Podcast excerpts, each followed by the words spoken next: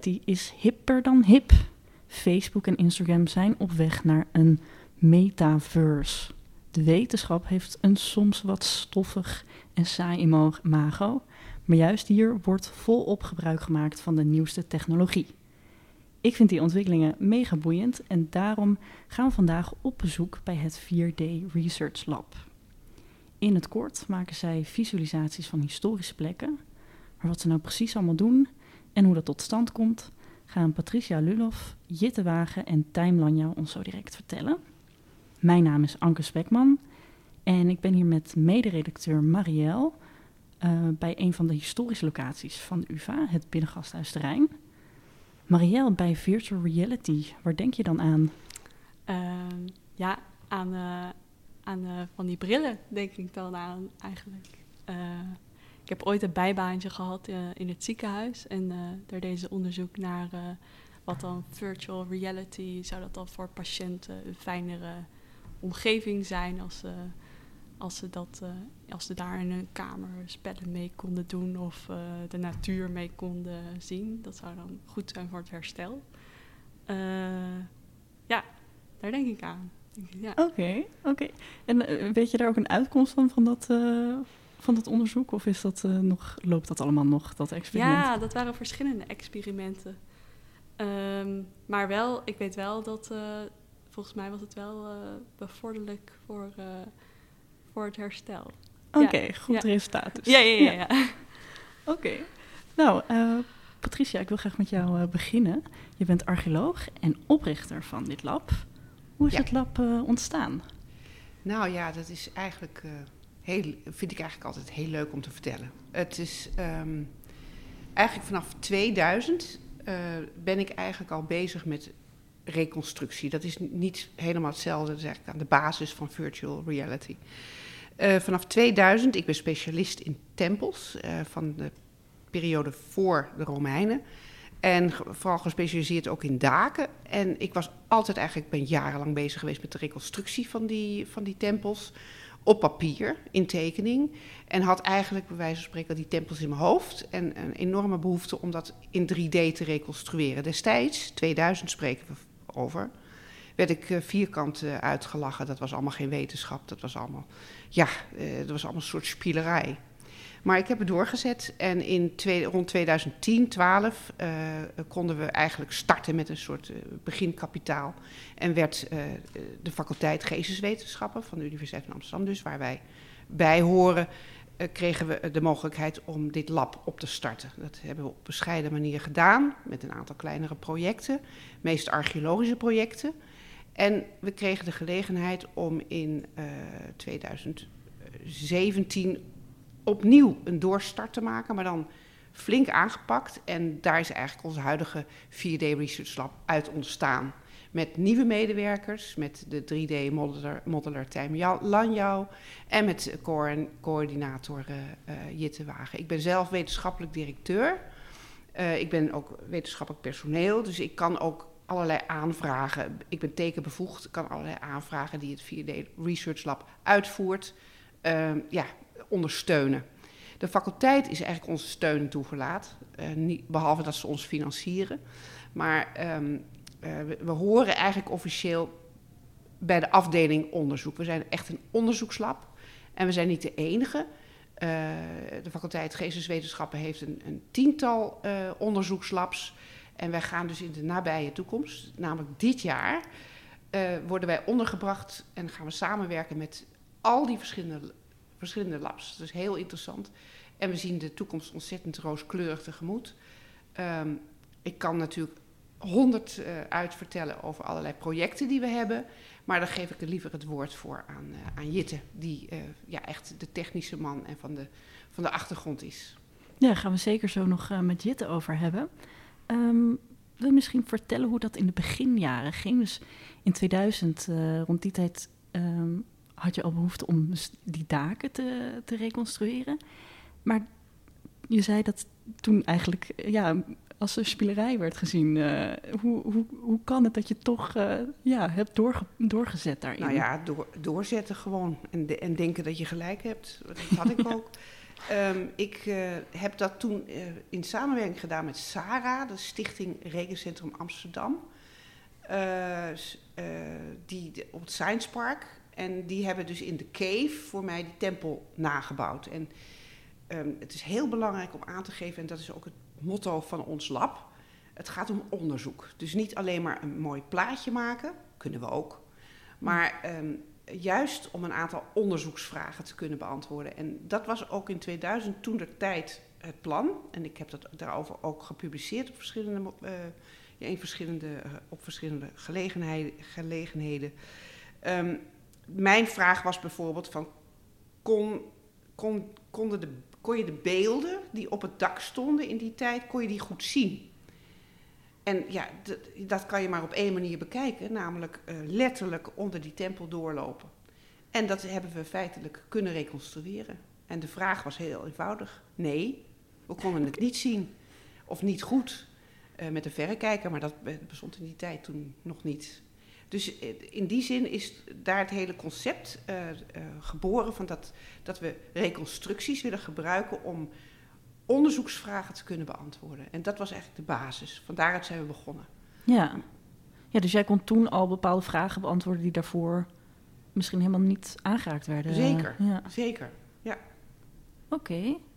Ehm, en in dat opzicht, wat voor ontwikkelingen heb je zo door de jaren heen meegemaakt? Dus misschien bepaalde technologische vooruitgang die ook... eh, Ja, nou, het ging is? natuurlijk eh, in een razend tempo. Eh, vrij eenvoudige computerprogramma's.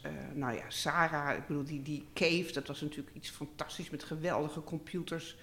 En ja, die, die rekensnelheid, hè, de- dat, is, dat is heel erg snel vooruit gegaan. Ik ben trouwens niet technisch van, van, van achtergrond.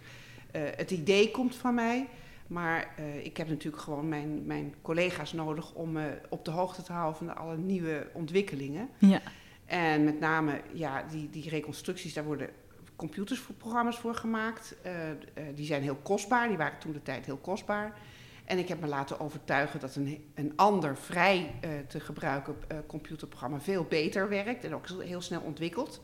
En dat hebben we de laatste jaren, dus zoals Blender, dat, hebben we dan, eh, dat heb ik me laten overtuigen dat dat beter werkt dan al die dure eh, licenties. En dat dat ook voor iedereen eigenlijk beschikbaar is. Hè. En ook eh, heel belangrijk, ook voor het onderwijs. We kunnen dus studenten ook daarmee laten werken, zonder dat we daar heel veel kosten aan hebben. Andere ontwikkelingen zijn ehm, die reconstructies, dat dat, dat gepaard kan gaan met allerlei andere, ja, andere eh, concepten en ook eh, met name visualisatie. eh, dat we die kunnen gebruiken, met name natuurlijk met die HoloLensen.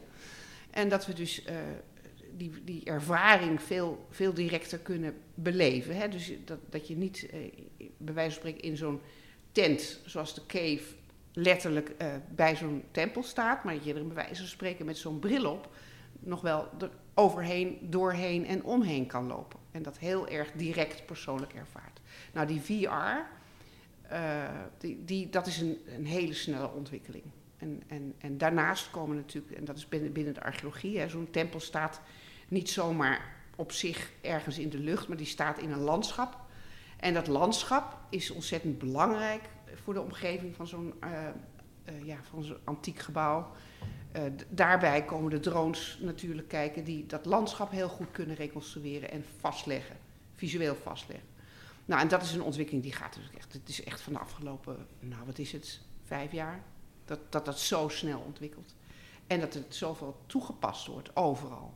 En we hebben het nu over archeologie, maar het 4D Research Lab moeten we echt heel duidelijk zeggen. Wij zijn toevallig allemaal archeologen. Niet toevallig omdat de archeologie eigenlijk vooraan, hè, op, vooraan stond met, met, bij deze ontwikkelingen. Maar het wordt nu overal toegepast. Allerlei erfgoed, architectuurgeschiedenis, eh, hedendaagse Amsterdam. We, we, ja, we werken aan allerlei projecten, variërend van een Tessels scheepwrak en eh, tot, eh, tot hier het universiteitskwartier waar we nu mee bezig zijn, het binnengasthuisterrein. Dus het is echt van alles wat nu. Oké, ja, dankjewel. Nou, eh Patricia had het net al even over eh, drones. Misschien is dat een mooi bruggetje naar eh Jitte. Zeker. Ehm, nou, jij bent de coördinator van het lab. En toen ik jou Ja. vorige week al sprak, had je net met drones gevlogen. Wat was dat voor project? Dat was een project, dat is een zoektocht naar een verdwenen kasteel. Nou, het is niet echt verdwenen, want we weten ongeveer waar het ligt en je ziet het ook wel op luchtfoto's liggen. Ehm, maar we zijn daar in samenwerking met de eh, Monumenten en Archeologie van Amsterdam op zoek naar. eh, of, eh, we zijn eh, bezig met het heel gedetailleerd in kaart brengen van het kasteel met allerlei verschillende archeologische prospectiemethoden. En een van die methoden is, bestaat inderdaad uit drones met een hele reeks aan verschillende sensoren eronder. Waarmee we proberen ja, de plattegrond van het kasteel af te lezen aan de sensordata die we kunnen, ja, die we kunnen verzamelen. En hoe, hoe werkt dat precies? Een, een drone vliegt met een sensor. En wat, wat kan je dan waarnemen? Nou ja, we hebben verschillende sensoren die wij nu gebruiken. Eh, je hebt, eh, de, basis die we, die we gebruiken is, zijn gewone foto's. En als je die ehm, foto's, het, het, beeld vanuit de lucht is voor archeologen al decennia lang een heel erg belangrijke onderzoekstool om te begrijpen, eh, ja, om, om sites te vinden, maar ook om andere eh, sporen van menselijke activiteit in het verleden te kunnen traceren. En ja, dan zie je sporen die je gewoon op de grond niet of nauwelijks eigenlijk kan waarnemen. En nu met die drones kunnen we zelf eigenlijk, hè, we waren altijd afhankelijk van, van satellietbeelden, vliegtuigen, misschien iemand die een Cessna in zijn achtertuin had staan, bij wijze van spreken. Maar nu kunnen we met drones, hebben we daar zelf eigenlijk relatief goedkoop en heel flexibel toegang toe. Eh, nou, en wat we dus eh, onder andere gebruiken zijn dus gewone camera's eh, om foto's te maken. Met behulp van een techniek die fotogrammetrie heet, kunnen we op basis van een hele reeks overlappende foto's kunnen we ook een, een 3D-model maken. En ja, dat kan enerzijds levert dat dus een, een model op van het landschap.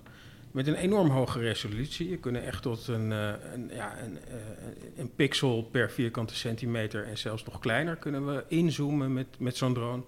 En tegelijkertijd kunnen we dus een hoogtemodel maken waarmee we minutieuze verschillen in de morfologie van het terrein kunnen, kunnen vastleggen. En ja, dat is voor archeologen hele waardevolle informatie.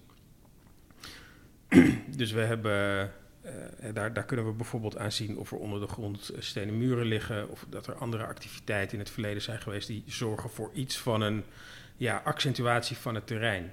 En dat, is, eh, nou, dat, dat werkt ontzettend goed. Daarnaast hebben we ook multispectrale en thermische sensoren. Dat is wat geavanceerder technisch materiaal. En nou, even heel kort, een multispectrale camera. Daarmee kunnen we delen van het elektromagnetisch spectrum vastleggen die je niet met het blote oog kan zien. Een van die, eh, die stukjes van het spectrum noem je nabij infrarood. En nabij infrarood wordt eh, gereflecteerd eh, veel of weinig, afhankelijk van de gezondheid van het gewas. Nou, de gezondheid van het gewas kan ons weer wat vertellen over iets wat er onder de grond ligt, omdat er in het verleden een ingreep is geweest en daardoor het gewas wat groter of juist wat kleiner is dan het omliggende gewas. Dus daar kunnen we ook weer eh, aan, aan aflezen of er iets spannends eh, onder de grond gebeurt, archeologisch. En die thermische camera, tot slot, meten we minutieus eh, warmteverschillen mee. En ook dat weer terugvoerend op het idee dat ja, verschillen in de thermodynamische eigenschappen van de grond, die kunnen veroorzaakt zijn door een stenen muurtje wat er onder de grond ligt, kunnen zorgen voor een, een, ja, een differentiatie in de warmte-emissie. En die proberen we daarmee te meten. En ehm, is het dan ook een soort vooronderzoek om daar later ook te gaan graven? Of zijn jullie nu al ja, misschien deels aan in kaart aan het brengen wat er gebeurd is of wat daar ligt? Ja, dit, het is in, eh, Nederland eigenlijk zo dat er eh, vooral eh, gegraven wordt op het moment dat er iets wordt bedreigd. Ehm, dus op dit moment gaat het nu vooral om het veel beter in kaart te brengen en te begrijpen wat er onder de grond ligt. En dus ook te kijken hoe ver je nou eigenlijk met, die, met dit soort eh, eh, ja, eh, vernieuwende technologie kan gaan. In het begrijpen wat er ligt zonder dat je een schep in de grond hoeft te steken. Want op het moment dat je daaraan begint, eh, ga je ook een, een, meestal een vrij kostbaar en langdurig proces aan. Een, een opgraving kost veel tijd en geld. En bovendien is die onomkeerbaar. De, de, de, wat er altijd gezegd wordt binnen ons vakgebied is... eh, opgraven is vernietigen. Ja. Eh, en is dus niet per se preferabel boven het te laten zitten eh, voor toekomstige generaties, om maar iets te noemen. Ja, Ja. helder. Oké, ik dank je wel. Ehm, wat is verder jouw eh, functie als coördinator? Ja, mijn functie als coördinator die ja, begint eigenlijk bij eh, het netwerken, de acquisitie.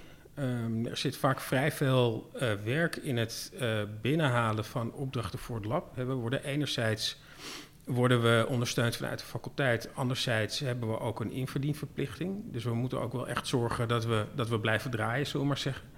Ehm, en werk is er genoeg, eh, maar dat kost wel veel tijd, want je moet altijd heel goed uitleggen wat we kunnen betekenen eh, voor het ondersteunen van, eh, van andere wetenschappers, om maar iets te noemen. En tegelijkertijd schrijven we ook zelf onderzoeksaanvragen, al dan niet in samenwerking met, met andere wetenschappers. Ja, daar zit heel veel tijd in. En eh, ja, uiteindelijk komt het ook neer op eh, eh, basale dingen als offertes maken. En daarna krijg je de urenbegrotingen en het projectmanagement enzovoorts. Tot aan de, de disseminatie aan toe en de valorisatieactiviteiten. dus daar zit heel, veel, heel erg veel organisatorisch werk in. Ja, en, ehm, en wie zijn de opdrachtgevers? Wie willen allemaal samenwerken met jullie lab?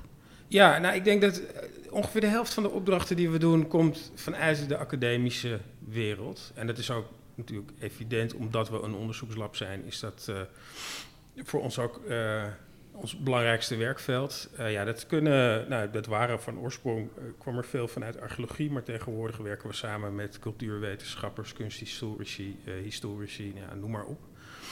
Eh, ook buiten de context van de Universiteit van Amsterdam werken we samen, bijvoorbeeld met de Universiteit Leiden. eh, het Nederlands Instituut in Rome is ook een eh, partner waar we mee samenwerken. En we zitten ook in verschillende Europese consortia. Ehm, dus ja, dat, dat is zeg maar, ik denk de helft van de opdrachtgevers komen uit die hoek.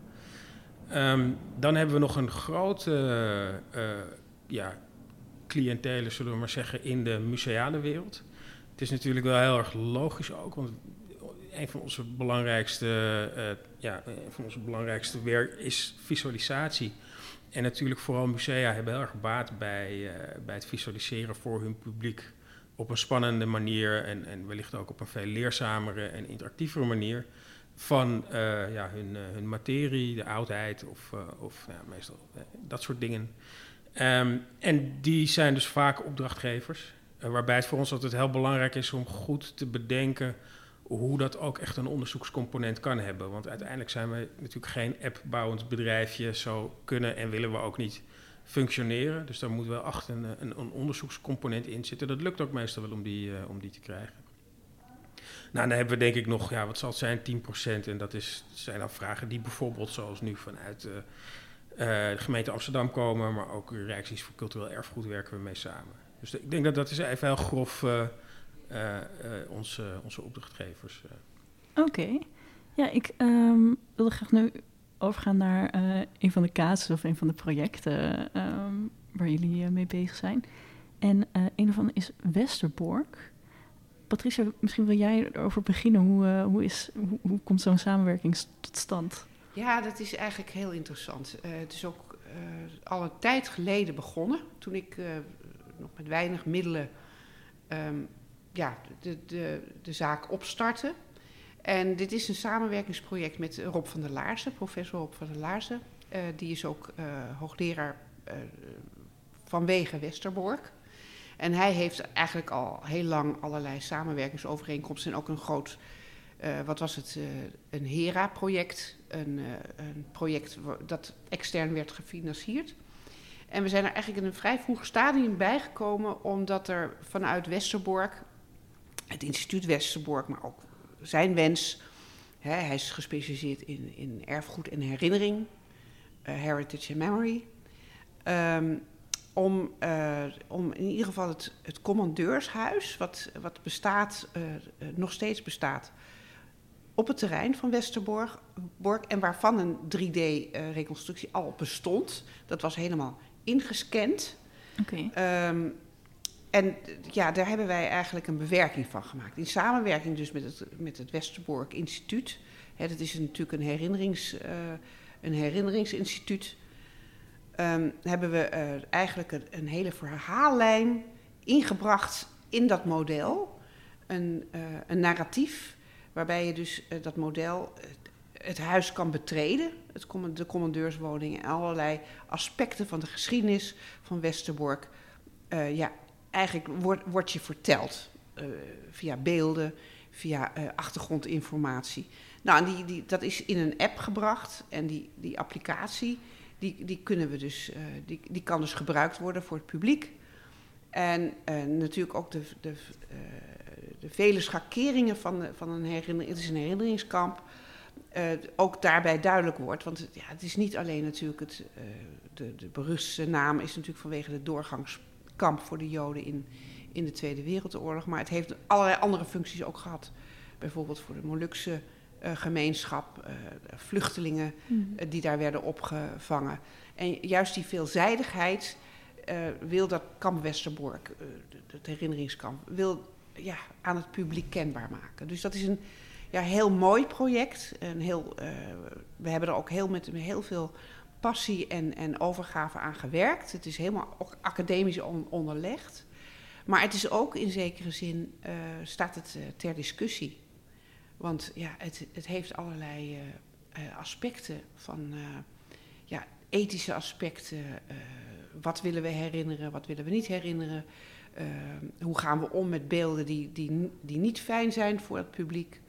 Um, nou ja, misschien kan er wat aanvullen, want jij bent daar echt heel erg direct bij betrokken geweest. Uh, ja, zeker. Ja, nou ja, wat, uh, wat, wat Patricia al zegt, uh, ik denk dat je hier een hele mooie casus hebt van wat virtual reality nou precies kan betekenen in complexe erfgoedmaterie.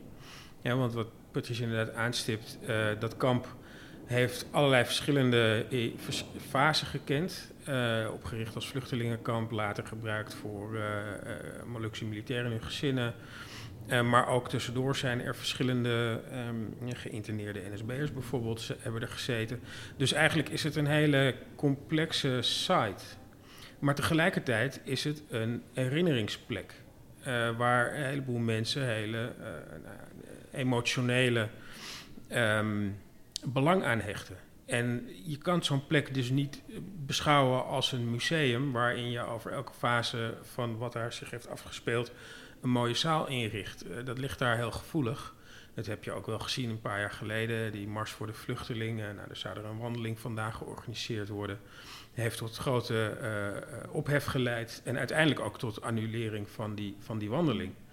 Um, dus je moet, dat, dat is een herdenkingsplek wat je, waar je niet zomaar uh, vanuit wat academisch uh, of museaal misschien interessant is, kan doen wat je, wat je zou willen. En juist daar biedt die virtual reality dus ineens een schat aan mogelijkheden.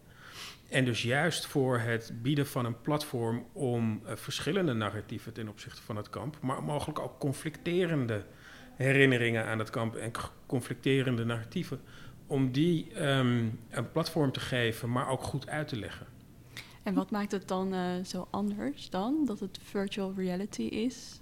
Uh, maakt dat het makkelijker dat je die verhalen dus wel kunt vertellen? Ja, want als je daar uh, een monument voor de Molukse gemeenschap bijvoorbeeld opricht op dat kampterrein, dan, ja, dan ben je, doe je echt een fysieke inbreuk op ja. ja de, de, herinneringsplek, waarvan veel mensen toch graag willen dat die blijft zoals hij nu is. Ja. En virtueel heb je daar natuurlijk veel meer vrijheid in. Ja.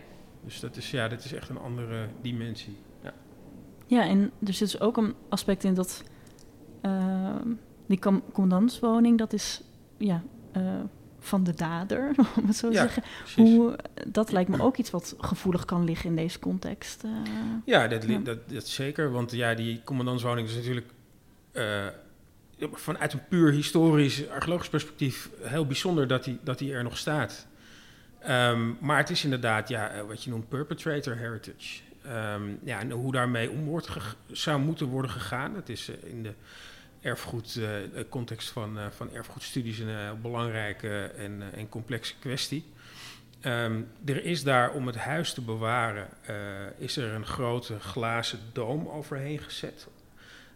En ja, alleen al die actie op zichzelf heeft weer een enorme discussie doen opwaaien. Want ja, dat is de muse musealisering van dat huis waar die verschrikkelijke kampcommandant Gemmerker vijf jaar lang over die die verschrikkingen heeft uitgekeken. En ja, dat, dat, dus eh, daar zie je ook weer van hoe, hoe gevoelig dat ligt. Ja, destijds was het, uh, kregen wij toen wij begonnen, Rob en ik, uh, kregen we heel veel weerstand vanuit de Joodse gemeenschap. En ook ja, beroemde wetenschappers zoals Abraham de Zwaan, die, die toch echt niet begreep waarom we ons überhaupt verlaagden, als het ware, om bezig te zijn met met deze, met deze verschrikking. Ik bedoel, later, later hebben we met heel veel met workshops georganiseerd. Hebben natuurlijk de discussie zijn we aangegaan. En daarin konden we ook wel mensen echt overtuigen van het belang daarvan.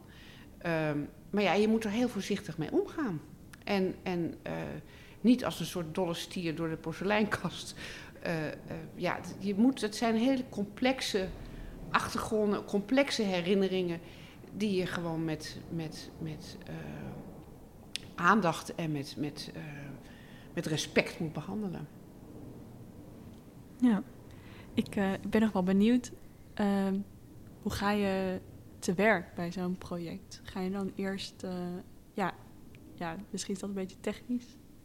Nee, ga, ga je gewoon ja, ja, ja. ja hoe pak je dat aan? Misschien is dit een goed voorbeeld er was al een soort scan gemaakt van die omgeving.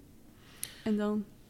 Ja, um, er, was, er is inderdaad door een Brits bedrijf, uh, Scanlabs, waren er met een uh, 360 graden laserscanner scans gemaakt van het huis. Dus iedere millimeter is, uh, is heel nauwkeurig in vastgelegd. En de vraag was, ja, hoe, hoe gebruik je die dan vervolgens? nou, dit heeft ten eerste geleid tot een hele reeks seminars met Westerbork um, experts erbij. Uh, met professor Rob van der Laarsen, die het project heeft geïnitieerd en heeft geleid. Um, en uh, ja, in, in, die sessies probeer je dan af te stemmen via het maken van mock-ups. Uh, hoe gaan we dit vormgeven? wat voor informatie moet erin en hoe moet die worden aangeboden? hier hebben we bijvoorbeeld uiteindelijk heel duidelijk gekozen voor een benadering waarbij nou ja, totale vrije beweging door het huis we niet mogelijk hebben gemaakt. Uh, maar waarbij het meer een lineaire wandeling is geworden. Mm -hmm. um, dat heeft ook te maken met het feit dat er een soort van dualiteit in het project zit. Want enerzijds moet de applicatie gebruikt worden in het herinneringscentrum zelf. voor bezoekers die waarschijnlijk meer geïnteresseerd zijn in bijvoorbeeld de bouwhistorie en, en echt de historische context van een huis, terwijl de academische sector en de problematiek waar het project van Rob van der Laars zich mee bezighoudt, met veel complexere uh, materie bezig is. En daar wilden we eigenlijk veel meer informatie en gelaagdheid uh, in aanbrengen.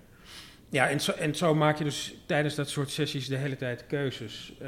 de mate van vrijheid, de, de complexiteit van de data die je aanlevert het soort beelden dat je erbij kiest enzovoort. Mm -hmm. En nou hebben wij zelf die narratieven niet geschreven. Dat, wij hebben de, de, de techniek in de VR gemaakt en we hebben goed nagedacht over hoe je dat dan zeg maar, conceptueel en technisch moet ontwikkelen en moet presenteren. Uiteindelijk is de, de content voor het project aangeleverd door Rob uh, met zijn onderzoeksgroep en het herinneringscentrum uh, Westerbork uh, in de vorm van Bas Kortholt. Mm -hmm. En je had het over keuzes, want nu dit commandeurshuis staat er nog, dat is gescand. Maar ik kan me voorstellen als, als iets er niet meer staat en je niet alle gegevens hebt, ja. hoe, uh, hoe maak je dan zo'n beeld? Ja, nou dat is een hele goede vraag ook. hier, hier is overigens misschien ook nog wel leuk om te vertellen, een hele bewuste keuze gemaakt om de, de scans die bestaan uit eigenlijk miljoenen metingen, die gewoon gekleurde puntjes eigenlijk zijn, point cloud zoals je die noemt, om die te laten zoals ze zijn, om een vorm van objectiviteit te bewaren ten opzichte van de materie. Want op het moment dat je begint met die puntjes aan elkaar te verbinden en echt een reconstructie te maken, ja, dan moet je op een gegeven moment, kom je toch ook voor ethische keuzes te staan van hoe realistisch gaan we dit maken en, en waarom eigenlijk. Dus nou ja, een hele set problematiek hangt daar aan vast. Maar wat we inderdaad doen hier heel vaak is het reconstrueren van plaatsen die heel erg veranderd zijn of er helemaal niet meer zijn. Denk we zijn bezig met reconstructies van gebouwen op het binnengasthuisterrein die heel vaak verbouwd zijn. Mhm. Of waar misschien op de plek van het gebouw eerst een heel ander gebouw heeft gestaan. En denk in de archeologische context eh, inderdaad aan het eh, bouwen van een Etruskische tempel, eh, waarvan er alleen nog maar wat resten onder de grond liggen. En dan kom je dus op een, op een proces waar het 4D-lab zich nou juist in, in specialiseert. En dat is echt het bronnenonderzoek. En ehm, het gebruik van eh, zowel scans die we dus maken met laserscanners, met drones, met ja, meer conventionele middelen, eh, archiefonderzoek en, en natuurlijk een, eh, ja, een proces van interpretatie, deductie, bronnen met elkaar vergelijken. En dat hele proces gaat dan, wordt dan ook gepaard, gaat gepaard met het beschrijven daarvan. En ook het hanteren van een index van hoe zeker is het nou dat ja, de plattegrond, daarvan weten we, die heeft er zo uitgezien. Maar hoe hoog waren die muren, hoe dik waren die muren, Ja. waar waren ze van gemaakt? Ja, een hele reeks vragen eh, met ook verschillende soorten uitkomsten, of verschillende mogelijke uitkomsten. Dat hele proces, dat, dat documenteren we ook. Ja, en daarin zijn we tamelijk uniek. Eh, het komt nu wel voor, ook bij andere groepen, wetenschappelijke groepen, ehm, dat ze daarmee bezig zijn. We zijn ook ergens eh, geïntegreerd in een NWO-project waarbij we dus echt werken met geannoteerde modellen. Dus je hebt een, een mooi model, een, een, mooi plaatje als het ware, maar het hele proces wat eraan vooraf gaat, het, het wetenschappelijke proces, dat, dat moet worden vastgelegd. En dan krijg je dus geannoteerde modellen. En daar zijn we eigenlijk de laatste jaren echt heel hard mee op weg om dat te ontwikkelen. En dat hebben wij eigenlijk vanaf het begin. Hè, en ik heb het dan nogmaals gekeken dan terug naar die Etruskische tempel. Eh, vanaf het begin zijn we daarmee bezig geweest. Een, een, een, een model is op zich een mooi plaatje. En daarin werd ik natuurlijk bekritiseerd. Maar het hele proces daarnaartoe, dat is ontzettend belangrijk om vast te leggen. En ook de verschillende argumenten die je hebt om te kiezen voor bijvoorbeeld rode dakpannen of zwarte dakpannen of witte dakpannen. Zeg Ja. maar wat, een voorbeeld. Ja, dus hoe die afbeelding uiteindelijk eruit ziet, dat leggen jullie ook vast. Wat voor Ja. keuzes daarin zijn gemaakt, hoe je tot zo'n besluit komt. Ja, en dat is eigenlijk in feite een wetenschappelijk artikel. Ja, Ja, het, En het dat- is een gevisualiseerde hypothese eigenlijk. Ja. Dus dat, Ja. is, dat is hoe we het graag beschrijven. Het is ook altijd belangrijk om dat erbij te zeggen. Wij zijn natuurlijk geen game studio, dus onze reconstructies zitten... Die, ja, visueel eh, voldoen die misschien niet altijd aan de verwachtingen van wat nou ja, je misschien gewend bent als je games gewend bent te spelen. Maar dat is natuurlijk ook niet de bedoeling. Die visualisatie en illustratiewaarde is natuurlijk enorm belangrijk. Maar om het extreem immersief of realistisch te krijgen, dat is niet per se het doel. Omdat het inderdaad echt gaat om het gebruiken van die methode om hypotheses te visualiseren, maar ook om eh, die- dient zo'n reconstructie ook vaak weer zelf als een aanleiding voor nieuwe hypotheses. Daarbij is het denk ik ook wel goed om te vermelden dat wij zien die eh, virtuele reconstructie als experimentele wetenschap. Je brengt al die dingen bij elkaar, expert eh, meningen ook eh, erbij. Eh, we hebben nodig altijd specialisten uit bij reconstructies. We hebben ons materiaal, we hebben oude schilderijen, etsen van hoe gebouwen er volgens de makers van die etsen en schilderijen uitgezien moeten hebben. En eigenlijk is dat een vorm van experimentele wetenschap waarbij je die ingrediënten bij elkaar brengt en kijkt, rijmen ze eigenlijk wel? En, en als dat niet zo is, wat, wat, wat, ja, wat betekent dat eigenlijk? Wat voor vragen werpt dat weer op? En het werpt altijd nieuwe vragen op, dat is het leuke. ja. nou heel erg bedankt. Eh, we gaan zo over deze thema's nog, eh spreken nog over Zoom met eh, jullie collega Tijn. Eh, voor nu heel erg bedankt voor jullie gastvrijheid. Tijn, jij bent de 3D-modelleur van het lab. Wat betekent Ja. dat? Uh, een 3D-modelleur is eigenlijk een, uh, ja, een uh, technische bezigheid. Uh, ik, ik maak uh, digitale 3D-modellen met behulp van verschillende software uh, op de computer eigenlijk. En um, ja, dat is, een, dat is een proces waarbij verschillende technieken worden gebruikt. 3D-scan-technieken, daar heb je een hele, hele boel verschillende soorten van maar ook handmatig uh, 3D modelleren in de computer met technieken die ze ook gebruiken om voor bijvoorbeeld uh, voor videogames of voor animatiefilms uh, en dergelijke modellen te maken. Maar die maak ik dan in dit geval voor ja, archeologie, geschiedenis, kunstgeschiedenis, allemaal verschillende historische wetenschappen die zich bezighouden met materiële of visuele cultuur uit het verleden. Ja, dus je gebruikt eigenlijk de technieken ook uit, uit de videogames voor het, het verbeelden van de, van, de, van de geschiedenis. Ja, in principe wel. Ja, dat, maar dat soort technieken die worden in heel veel vakgebieden gebruikt. Uh, architectuurvisualisatie doet hetzelfde. Um, CGI, in, uh, dus computer uh, generated effects in, in films en dergelijke. Ik gebruik allemaal vergelijkbare technieken. En ja, daar ben ik in gespecialiseerd met toepassing op ja, het verleden. Oké. Ja, je werkt uh, uh, ja, binnen het lab aan, aan eigenlijk ben verbonden aan alle projecten, zover ik, ver ik begreep. Ik wil er graag ja. Ehm, in uitlichten. En dat is de, ehm, de 3D-reconstructie van Vlooiburg. Ik woon zelf vlakbij Waterloopplein. Dus op weg naar ah. het 4D-lab kom ik ook ja, langs de buurt, langs de Stopera. Um, ja, wat leuk. Ja, wat maakt deze buurt het reconstrueren waard? Um, ja, het voornaamste is dat deze buurt, uh, zoals die vroeger was, niet meer bestaat. Omdat de stopera eroverheen is geplemd. Uh, dus de, die, is, uh, die buurt is afgebroken eind, begin jaren tachtig. En toen is de stopera als een modernistisch monster eroverheen gezet. En ja, ehm, de buurt heeft een hele lange geschiedenis. Vanaf de, nou, begin van de, of eind van de 16e, begin van de 17e eeuw tot en met uh, ja, 1980 eigenlijk. En een hele bewogen geschiedenis. Uh, met veel veranderingen, ruimtelijke veranderingen, die parallel liepen met de algemene grotere historie van, uh, van Amsterdam. En heel erg sterk verbonden daarmee ook de geschiedenis van, het, van, van Joodse bewoners van Amsterdam, die daar naartoe waren verhuisd in, in de loop van de 17e eeuw. Dus ja, dat zijn allemaal redenen waarom deze buurt het, het reconstrueren waard was. Ja, nou, leuk om te horen. En wat voor bronnen heb je gebruikt om dat mogelijk te maken? Uh, nou, bij dit soort reconstructies um, hebben we eigenlijk altijd een vaste set bronnen waar we beschikking over hebben, waar we onderzoek naar doen. En die proberen op te duiken in archieven online voor een heel groot deel. En ook zelf inzamelen van gegevens. Maar de bronnen die we gebruiken is historisch, historische cartografie, dus oude kaarten.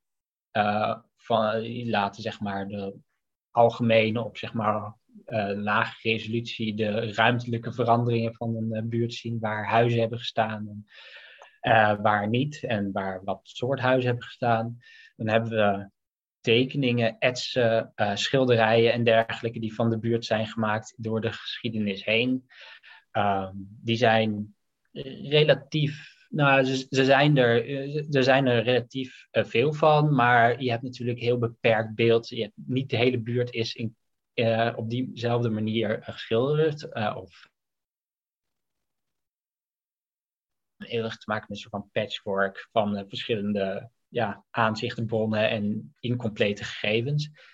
En dan gebruiken we natuurlijk ook uh, bronnen uit de ja, latere 19e en vroege 20e eeuw. Fotografie kwam toen op en die buurt is uh, in die tijd ook uh, vastgelegd. en daarop staan op foto's en um, dergelijke staan nog ook oudere gebouwen uit de hele geschiedenis van de buurt. Dus dat kunnen we ook gebruiken, de foto's uit de 19e en 20e eeuw, om oudere delen van de buurt te reconstrueren. En dan hebben we ook nog uh, gebruik gemaakt van uh, bouwtekeningen. Uh, ook dat is iets wat in de, vooral in de 19e eeuw opkomt. als er een verbouwing plaatsvindt, ook, vindt er, is ook vaak een, ja, een, een, een, documentatie van hoe het gebouw eruit zag op dat moment. en dat kunnen we gebruiken ook om gebouwen, de historische fase van gebouwen terug te reconstrueren naar een punt in het verleden. Um, ja, en daarnaast gebruiken we ook van heel veel gebouwen, bijvoorbeeld, we hebben ook de synagogen die daar, uh, de Portugese en de Hoogduitse synagoge nu, uh, Joost Jewish Museum, hebben bijvoorbeeld ook gereconstrueerd. Of in ieder geval de Portugese synagoge. En die hebben we gewoon uh, 3D-scand met een laserscanner en dit tot ja, model omgewerkt, bijvoorbeeld. Dus dan gebruik je gewoon hedendaagse, nog steeds aanwezige architectonische elementen en die scan je en je werkt ze om tot een bruikbaar 3D-model. Oké. Nou, een heleboel, uh, een heleboel uh, informatie die je dan moet verwerken. Hoor ik. Ja, ja, misschien, ja. ja misschien heb ik te veel gezegd al. En, nee. Maar ja, misschien, ja. Nee, zeker niet. Wat ik, wat ik interessant vind, is dat je dus heel veel verschillende bronnen eigenlijk hebt. Dus bouwtekeningen ja. hoorde ik, um, uh, maar ook foto's. Um, hoe... Um, ik vergeet trouwens één belangrijke bron die we ook nog wel vaak gebruiken. Dat is okay. archeologische bronnen. We gebruiken dus ook opgravingen. En dan gaat het voornamelijk ah, ja. de fundamenten van gebouwen. Ja. Maar die, die hebben, moet ik zeggen, een minder grote rol gespeeld in deze reconstructie. Oké, okay, okay, dus de, de, de, archeologie was iets meer op de achtergrond. Um, ja. Maar als je al die bronnen hebt, um, mm-hmm. dan kan ik me voorstellen dat er dus ook wel eens uh, conflicterende bronnen zijn. Dus dat ja. uh, de foto zegt dit, maar de tekening zegt misschien dat. Um, heb je daar misschien een voorbeeld van, van waar je een, ja, misschien een moeilijke afweging moest maken? nou, je hebt nou goed, waar je wel vaak mee te maken krijgt. Je hebt natuurlijk vaak te maken, hebt te maken met conflicterende bronnen. Uh, voor een deel, kijk, soms heb je te maken met bijvoorbeeld bouwtekeningen uit uh, 1880 of zoiets dergelijks. En die leggen dan nou de situatie vast, maar ook de situatie van na 1880, van hoe het huis moet worden bijvoorbeeld. Of het gebouw moet, het gebouw moet worden als het geen huis is. En die bouwtekening van hoe het moet worden, we hebben namelijk die, uh, eventjes misschien nog even belangrijke achtergrondinformatie. We hebben die buurt dus op verschillende momenten in de tijd gereconstrueerd. Vroege 17e eeuw, late 17e eeuw en het eind van de 19e eeuw. Dus van ja. al die verschillende fases hebben we ook weer andere bronnen uh, te gebruiken.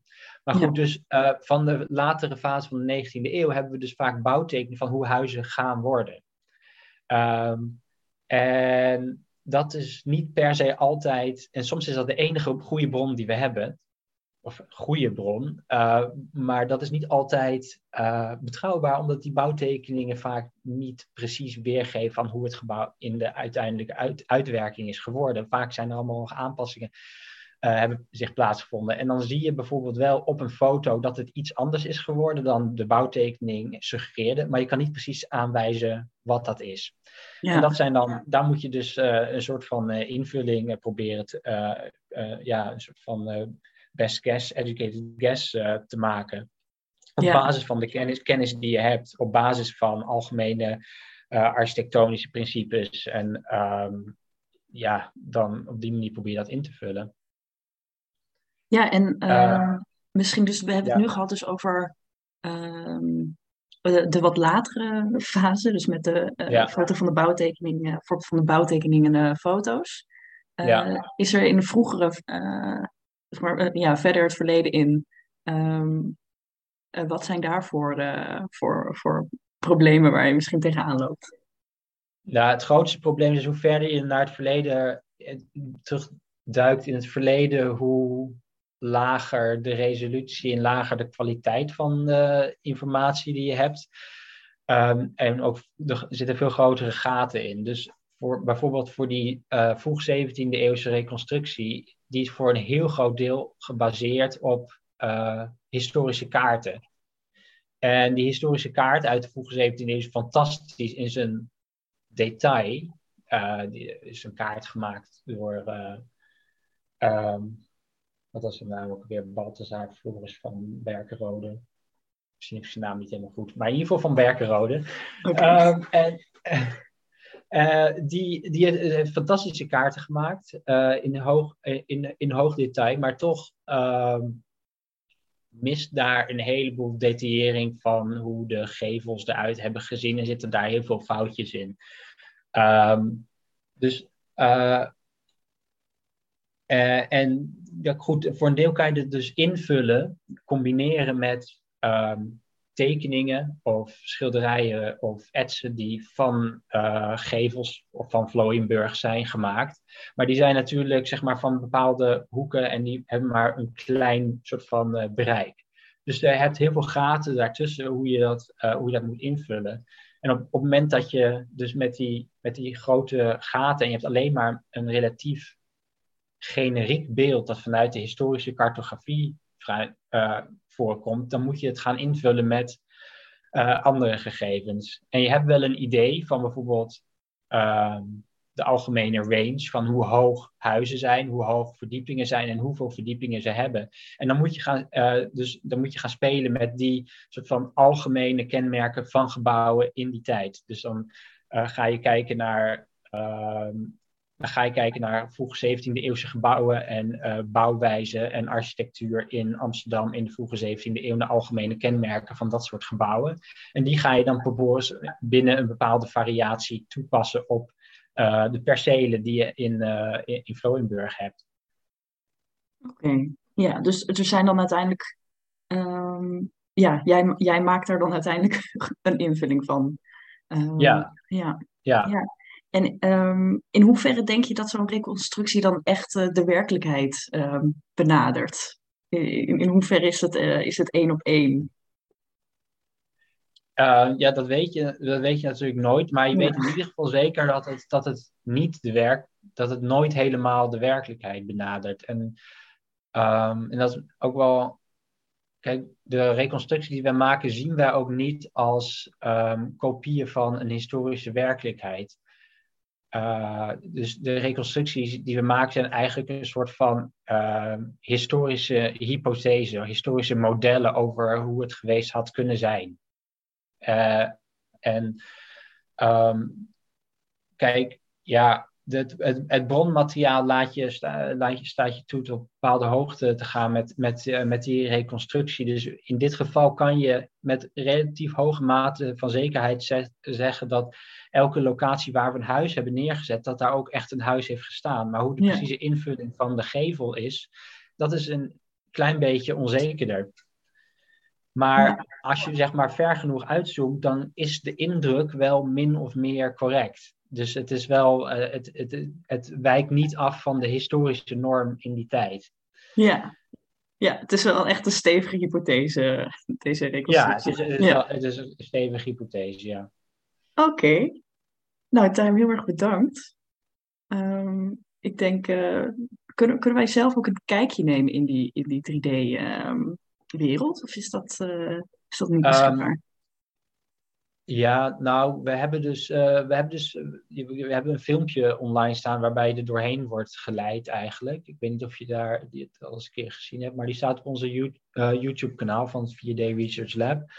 Ehm, je kon tot voor kort, of tot vorig jaar, in een, tentoons, in tentoonstelling van het Joods Historisch Museum over deze buurt, kon je hem bekijken. En hij stond daar eh, ja, daar kon, je, daar kon je erin. Maar we hebben nog op dit moment geen plek waar je er zelf, eh, eh, zeg maar, vanuit je computer, vanuit je luisterstop thuis kan, eh, kan bekijken, behalve dat filmpje dus.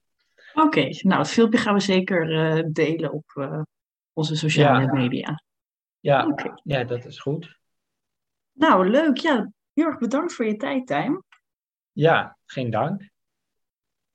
Eh, het is misschien nog leuk om te vermelden dat in de kamer waar we nu zitten hangen ook alle, of misschien niet alle, maar een boel projecten aan de muur. Dus ehm, eh, we zien onder andere ehm, de kamer van Gerrit Rietveld hier links en ook eh, van Antonie van Leeuwenhoek is het huis eh, gereconstrueerd. Dus ehm, als je nou meer wilt zien, dan kan je ook op de website terecht. 4dresearchlab.nl, daar kan je alle, alle projecten zien. Maria, wilde jij nog iets toevoegen? Ik heb eigenlijk nog één vraag, als het nou, nog kom kan. nog, kom nog gauw door. Ja. Ja, hoe zien jullie de toekomst? Want eh, jullie werken natuurlijk met technologie en heeft een enorme vlucht gehad. Eh, ja, hebben jullie daar verwachtingen over? Oh ja, oh ja. we worden dus onderdeel van het onderzoeksgebouw, Facultaire Humanities Lab eigenlijk. We weten nog niet helemaal hoe dat definitief gaat heten. En wat ontzettend belangrijk is, is dat er een hele nieuwe generatie staat te trappelen om mee te doen. We willen heel graag investeren in onderzoek, maar ook in onderwijs. En het is, eh, we zijn ook bezig met een nieuwe opleiding. Bij, het wordt ondergebracht bij archeologie, Digital Archaeology and Heritage. En dit is ons eh, toekomstbeeld, dat we eigenlijk gewoon groter willen worden en ook die hele jonge generatie mee willen krijgen om, eh, om hieraan mee te doen. En ook dat het een, een ja, geannoteerd en een, en een serieuze vorm is van onderzoek doen. En dat het eigenlijk onlosmakelijk verbonden is met allerlei historische eh, eh, onderzoeken en eh, research projects. Dus Nou, nogmaals heel erg bedankt. Ja. we zijn aan het eind gekomen van deze uitzending van Radio Swammerdam. We waren op bezoek bij het 4D Research Lab. En we hadden het vandaag over digitale archeologie, drones en 3D-visualisaties. Kunt deze en andere uitzendingen terugluisteren op alle podcastkanalen of neem een kijkje op onze website radioswammerdam.nl. U kunt uh, Radio Swammerdam op Spotify ook sterretjes geven. Vond u deze uitzending nou leuk? Doe dat dan vooral, dan bereiken wij weer een groter publiek. Reageren op deze uitzending kan door te mailen naar redactie.radioswammerdam.nl of natuurlijk op sociale media. We zijn te vinden op Twitter, Facebook en Instagram. En wie weet in de toekomst ook wel in de metaverse. Veel dank aan Marielle Doedens. Zij was vandaag co-presentator en technicus. En natuurlijk veel dank aan alle medewerkers van het 4D Research Lab voor hun tijd en gastvrijheid. Graag tot volgende week. Dan weer een reportage vanuit het Vrolijk Museum. Voor nu bedankt voor het luisteren en nog een hele fijne zondag.